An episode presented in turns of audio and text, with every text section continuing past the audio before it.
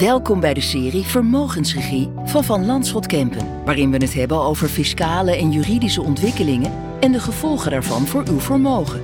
Bart Vroon van het Van Landschot Kenniscentrum praat u bij en vertelt hoe u slim met uw vermogen omgaat. In deze podcastserie Vermogensregie hebben Bart en ik het vaak over hoe ouders hun kinderen financieel kunnen helpen, bijvoorbeeld met een schenking voor de studie of een eigen woning.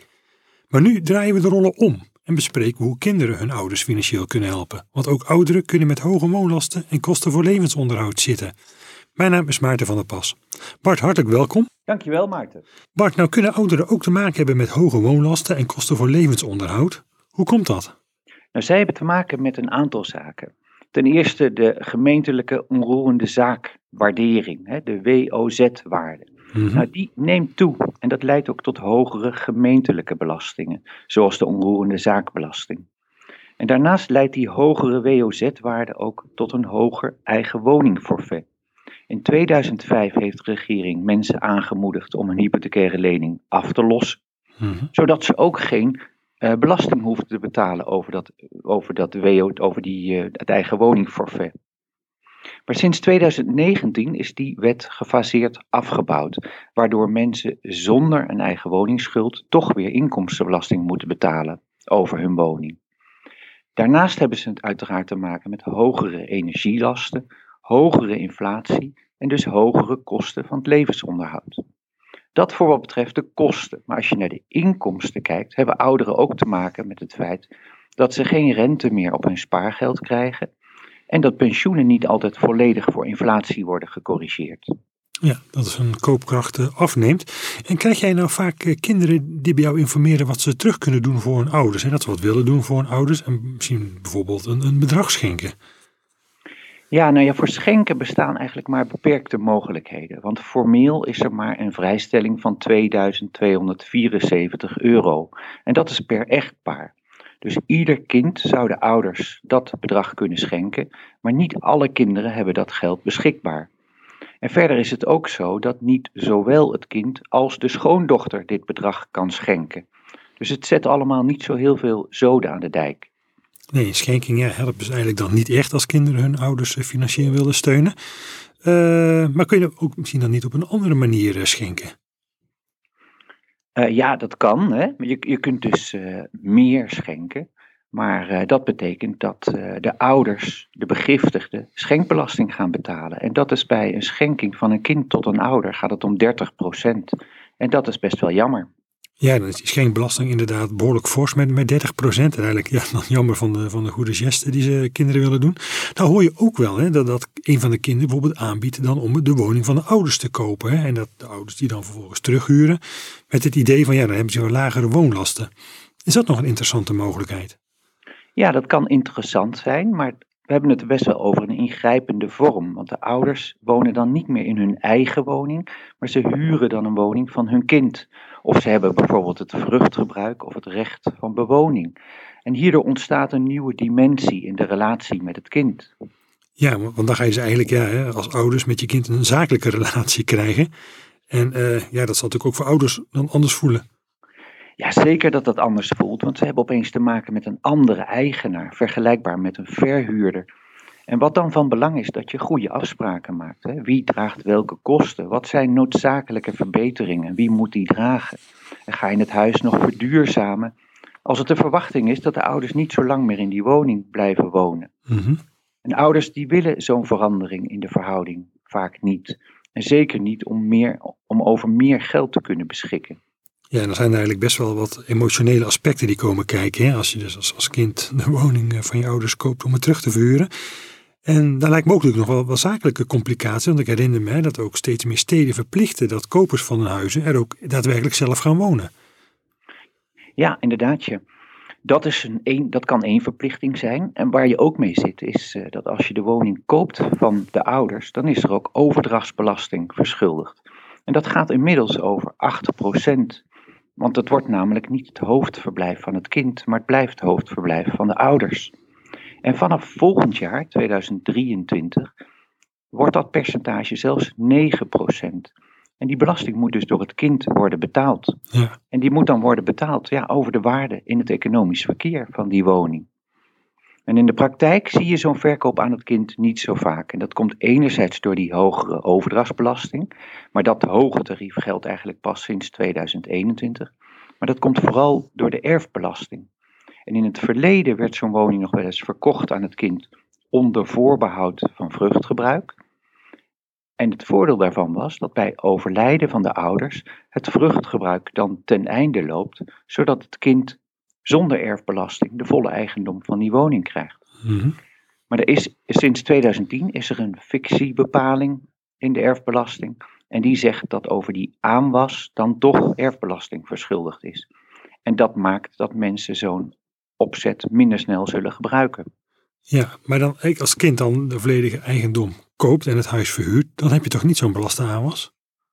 Nee, dat is juist. Hè? Maar de Belastingdienst kijkt wel over de schouders mee. Want dan moet eigenlijk een eh, minimale jaarhuur worden betaald. En die is eigenlijk vastgesteld op 6% van de WOZ-waarde. En bij de huidige WOZ-waarde kan dat best wel om flinke bedragen gaan. Als je kijkt naar een huis van bijvoorbeeld 400.000 euro, dan heb je het over een huur van 2000 euro huur per maand. En ouders nou, die gaan dan best wel snel door de ontvangen verkoopopbrengst heen. En als dat ook de bedoeling is, ja, dan is dat natuurlijk wel een heel mooi planningsinstrument. Ja, maar goed, met 2000 euro huur per maand heb je nog, nog steeds een forse, forse woonlast natuurlijk. Inderdaad, Ja, ja. Dan kan ik me eigenlijk best wel voorstellen dat ouders terughoudend zijn hè, met, met zulke transacties. En natuurlijk ook nog wel los van als er dan meerdere kinderen zijn. Hè? Want we hebben het nu over dat een van de kinderen dan dat huis zou kopen. Maar ja, wat als er ook nog broers en zussen in het spel zijn? Wat doet die dan? Ja, precies. Want we hadden het over nu over de relatie ouder-kind. Maar je moet ook nadenken over de relatie tussen de kinderen onderling. En dat is ook van belang. Want de mogelijkheid bestaat dat die woning verder in waarde toeneemt. En die waardestijging komt dan toe aan het kind dat de woning heeft gekocht. En de andere kinderen, die kijken toe. En die zien hun erfdeel snel slinken. Want die ouders, ja, die eh, eten uiteindelijk de opbrengst op. Ja. En in de nalatenschap van die ouders zit dan niet meer een huis, maar alleen een spaarpot die snel verteerd wordt. En dat kan best wel wrang zijn, met name voor andere kinderen en als zij bijvoorbeeld onbetaalde mantelzorg verleden. Ja, dat zij dan eigenlijk inderdaad zorg dragen voor de ouders. En, en, en een an- an- ander kind bezit dan het huis eigenlijk en, het, en, en de waarde daarvan. Eh, misschien een andere mogelijkheid die we dan kunnen onderzoeken is dat een kind eh, zijn of haar ouders een lening verstrekt. Is dat, is dat ook nog een oplossing? Nou, in zo'n situatie zou het verstrekken van een lening juist een hele goede oplossing kunnen zijn. Mhm. Want eh, het kind zou de bestaande lening bij de bank kunnen overnemen en zou die lening vervolgens aflossingsvrij kunnen verstrekken. En daarnaast kan ook nog een zogenaamde krediethypotheek worden verleend, waarbij de ouders dan tot een bepaald maximum geld kunnen opnemen. En ze moeten dan wel een zakelijke rente eh, op die lening betalen, Mhm. maar je zou tussen ouders en kind ook kunnen afspreken dat het kind dan jaarlijks een schenking doet, waarmee de ouders die rente kunnen voldoen. Ja, en dan eigenlijk weer een schenking dan begrijp ik het liefst tot een bedrag wat het onbelaste is. Ja, juist ja. En, en het voordeel van deze oplossing van een schenking is dan ook dat de verhouding tussen de kinderen natuurlijk minder belast wordt, om het zo te zeggen. Ja, ja. Nou, het is natuurlijk wel aan te bevelen om dan alle kinderen van die lening op de hoogte te stellen. Mhm. Je hoeft niet alle ins en outs te vertellen, maar wel waarom je het gedaan hebt en hoe je het hebt gedaan hebt. Want dan zijn er later geen verrassingen. En het is ook goed afspraken te maken wanneer die lening dan moet worden afgelost. Bijvoorbeeld bij overlijden van de langslevende, maar ook bij verkoop van de woning of als de ouders de woning met de woon verlaten. Mhm. En, ja, en kan zo'n lening dan ook bij een bank worden afgesloten? Nou ja, dat, dat kan, ja. Dat is wel wat de ouders vaak als eerste zullen informeren. En banken verstrekken zulke leningen ook wel, maar die hebben zich wel te houden aan verstrekkingsnormen. Ze moeten rekening houden met het inkomen en dat was juist te laag. En er zijn ook wel instellingen die zogenaamde opeethypotheken of seniorenleningen aanbieden. Mhm. Maar daarvoor gelden vaak specifieke voorwaarden. En in de regel is de rente daarvan een stuk hoger en wordt ook maar een beperkt deel van de hypotheekruimte ruimte benut. Maar als er kinderen zijn, en, en sommige relaties van ons is, is dat het geval, die geld op de spaarrekening hebben en die daar graag hun ouders mee willen helpen, nou, dan is dat natuurlijk een veel elegantere oplossing. En tussen ouder en kind heb je namelijk niet te maken met die verstrekkingsnormen. En daar kun je veel flexibeler mee omgaan. Ja, nee, dat denk ik ook wel logisch zijn dat je een soepeler als uh, uitlenen van het bedrag uh, voorwaarden kunt stellen. Nou, dat klinkt uh, eigenlijk best goed, Bart. Dus dan in dit geval schenken ouders geen jubelton aan hun kind, hè? maar helpt het kind juist hun ouders uit de brand door een lening te verstrekken.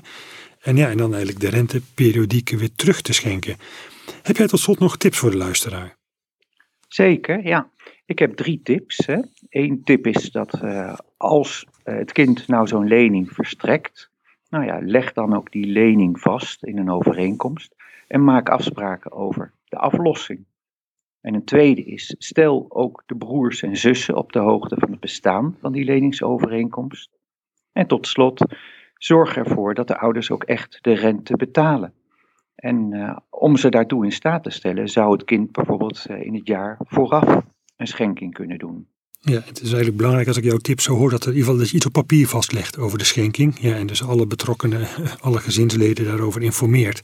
Zeker, ja, dat is absoluut aan te bevelen. Ja, nou, dankjewel Bart voor jouw toelichting. En hebben ik verschillende manieren besproken waarop kinderen hun ouders financieel kunnen helpen. Ja, belastingvrij schenken kan, maar dat is maar voor een beperkt bedrag.